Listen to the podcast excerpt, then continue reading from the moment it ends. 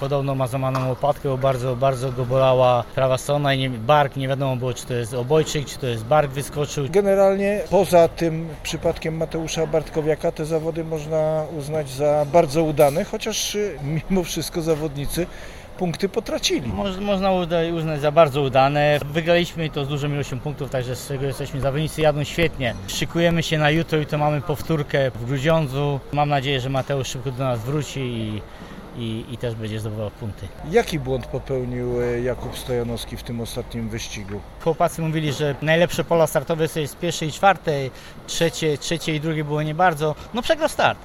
Przegrał start i ciężko było minąć na, na dystansie. Zawodnicy już zaczęli dobrze e, jechać. No i tyle i stracił. Oskar Chorus dzisiaj 15 punktów. Y, No bardzo niewiele zabrakło do tego dużego kompletu. Tak, no w jednym, w jednym biegu, tym, tym co zdobyłem tą pierwszą dwójkę, to była moja wina, bo, bo no, nie zmieniłem opony na nową i, i, i to nie było to, ale też tam e, po starcie mogłem się lepiej założyć. No i ostatniego biegu szkoda, no przegrałem start, później się starałem wyprzedzić, ale już było naprawdę bardzo twardo i ciężko było mi znaleźć optymalną ścieżkę.